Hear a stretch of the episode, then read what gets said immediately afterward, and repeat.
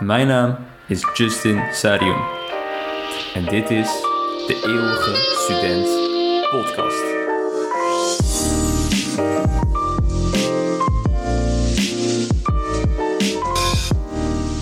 In deze podcast bespreek ik onderwerpen zoals mindset, gezondheid en persoonlijke ontwikkeling.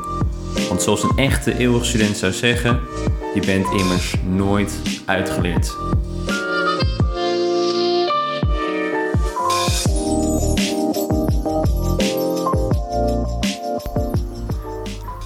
Vaak in deze podcast heb ik het over lessen die we kunnen leren van alles en nog wat. Maar vaak gaat het niet alleen om leren, maar gaat het om afleren.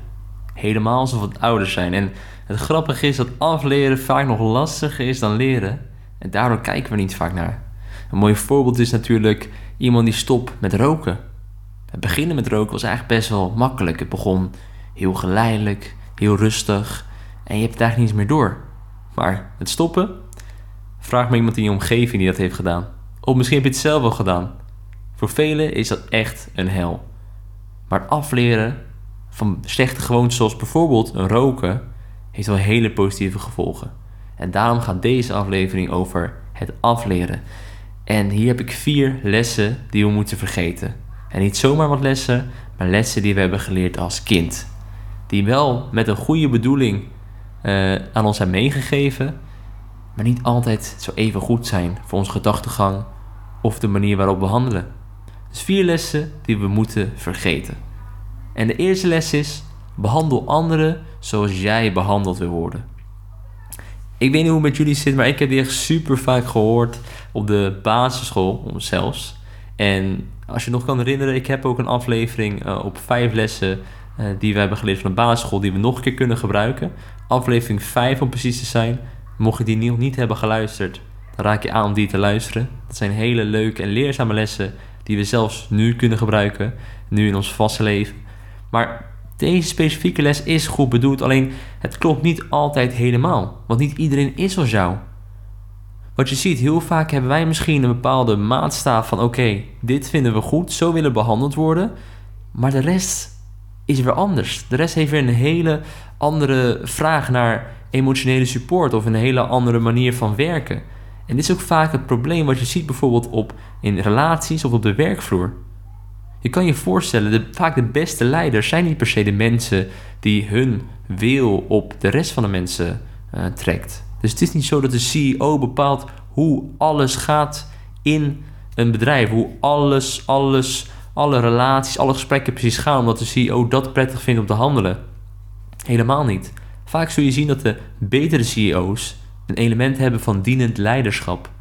Oftewel dat ze zich aanpassen aan wat hun mensen, wat de mensen nodig hebben binnen een organisatie. En dan zie je ook vaak dat in relaties het ook inderdaad een beetje is van aanpassen op de persoon. Want het hele idee is, het is natuurlijk wel goed om dat voor je vast te houden, maar jij beleeft jouw wereld op een hele andere manier dan je buurman of je buurvrouw. En daardoor is het natuurlijk niet helemaal gelijk of correct om iedereen zo uh, te behandelen zoals jij behandeld wil worden. Dus dat is de eerste les die we eigenlijk moeten fine-tunen, die we vroeger hebben geleerd. Behandel anderen zoals jij behandeld wil worden. Les 2 is de vraag: wat wil je worden? Wat wil je worden als je groot bent? Wat wil je worden na je basisschool, na de middelbare school? Ook hierbij, het zijn weer hele goede intenties. En het is best wel goed om over na te denken wat je wil worden. Het is een lastige vraag. En het is altijd goed om een doel te hebben in de toekomst. Alleen soms kan het ook te veel druk opleveren. Of, nog beter gezegd, het geeft geen ruimte meer voor flexibiliteit. Soms krijg je die vaak zo vaak te horen dat je maar iets verzint en je gaat er zelf in geloven. Dus je hebt een keer gezegd: Oh, ik wil dokter worden, want toen de tijd vond je het leuk. Leek het je leuk om met mensen om te gaan. Je vond biologie interessant, je vond geneeskunde interessant, noem het op. Maar gaandeweg heb je weer andere interesses gevonden. Of je hebt weer hele andere indrukken gekregen van het daadwerkelijke beroep. Maar doordat jij misschien zo vaak hebt geantwoord dat jij dokter wil worden, dokter wil worden, dokter wil worden, denken je vrienden, je familie, je naasten, je omgeving, je kennissen allemaal nee. Jij bent een dokter, jij wordt een dokter, want dat wil je worden. En dat is soms lastig. Dus Het idee van wat wil je worden is goed, alleen we moeten ons soms er niet zoveel aan vasthouden, want het kan nog variëren. Helemaal als het komt uh, tot beroepen. Want er zijn zoveel beroepen die nog niet eens bestaan. Tien jaar geleden hadden we niet kunnen voorstellen dat je inderdaad als podcaster bijvoorbeeld geld kon verdienen. Of als een influencer. Of zelfs een YouTube marketingbureau, social media marketingbureau zelfs. Maar dat, dat bestaat tegenwoordig. Dus laat staan wat er over 10 of 20 jaar wel niet kan bestaan. Wat voor banen er opeens ontstaan waarop zich jij heel goed in kan zijn. Dus wat wil je worden? Zeker. Het is goed om ambities te hebben en een doel.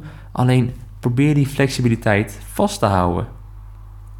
Daarom een betere vraag is misschien wel: wie wil je zijn? Want wie wil je zijn gaat veel verder en veel dieper. Wat wil je worden komt toch vaak kijken, komen beroepen bij kijken. Ik wil dokter worden, chirurg, ik wil rijk worden, noem het op.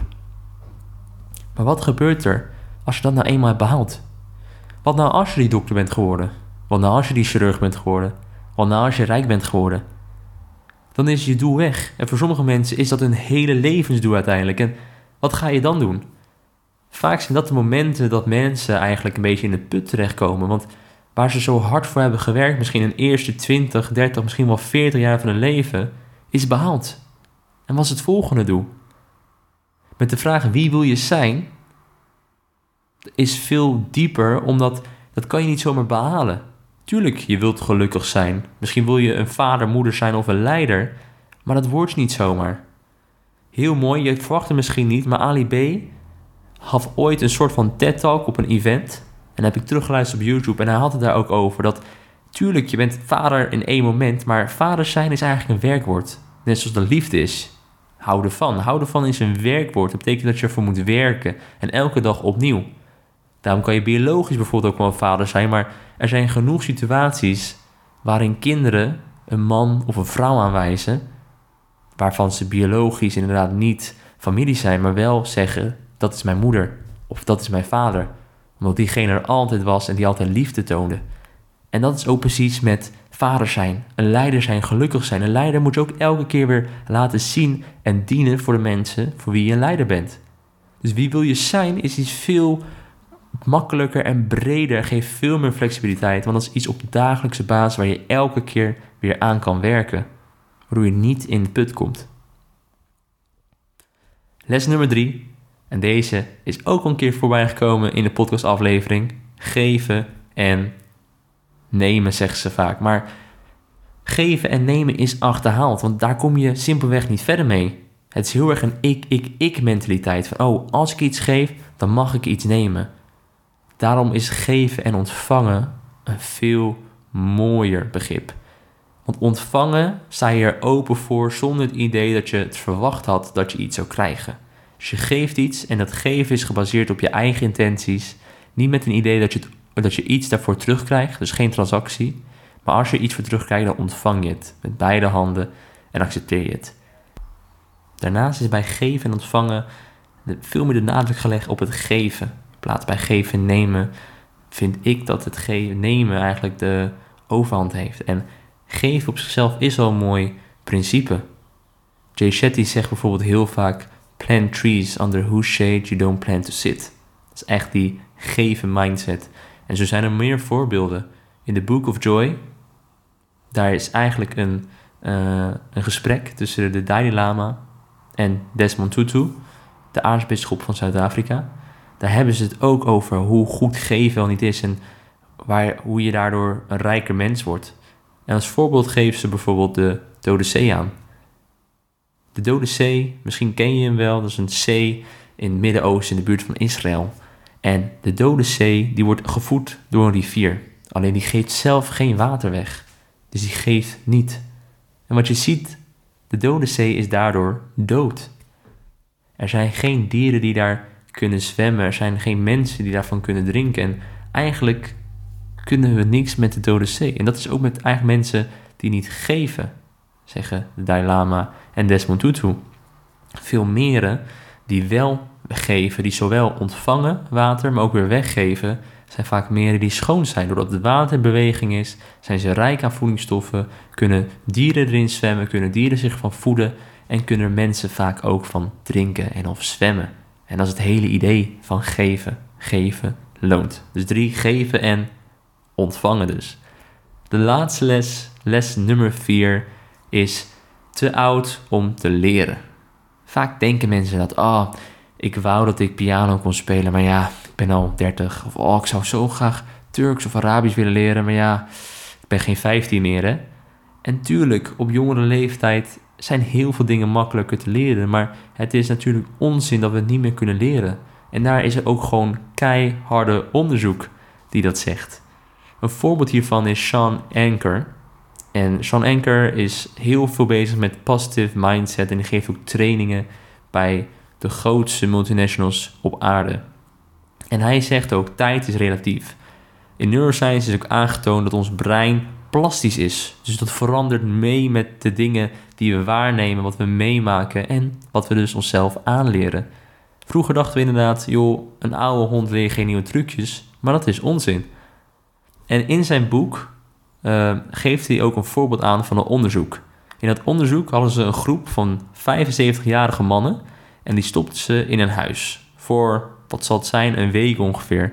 En het grappige aan het huis is dat ze het zo hadden ingericht in dezelfde tijd dat toen ze 55 jaar waren. Dus de krantenartikelen waren nog vanuit die tijd. De tv-programma's, de kleding, het meubilair, alles was van de tijd toen zij 55 waren. En je kan jezelf voorstellen hoe zij het zelf vinden om soort van toch terug de tijd in te gaan. Nou, deze mannen deden dat en het resultaat was indrukwekkend. Want langzamerhand gingen de mannen zich ook eh, veranderen en verplaatsen in die tijd.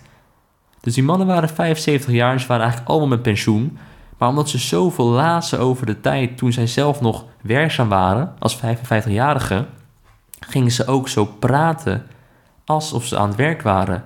Mensen wisten opeens welke beroepen ze deden. Ze waren veel actiever bezig. Hun hartslag was eh, veel meer gereguleerd. Ze konden veel meer eten. Ze voelden zich jonger, ze voelden zich blijer. En het experiment gaf dus eigenlijk ook weer aan hoe relatief tijd is. Doordat de groep 75-jarigen ja, zichzelf als het ware verplaatsen in hun eigen 55-jarige zelf, ging hun lichaam zich ook aanpassen en hun hersenactiviteit ook. Wat weer bizar is en weer aangeeft dat we inderdaad nooit te oud zijn om te leren. En Einstein zei het eigenlijk ook al met de relativiteitstheorie. Tijd is simpelweg relatief. Dus vier lessen die we eigenlijk ja, moeten vergeten, die we ooit als kind hebben geleerd.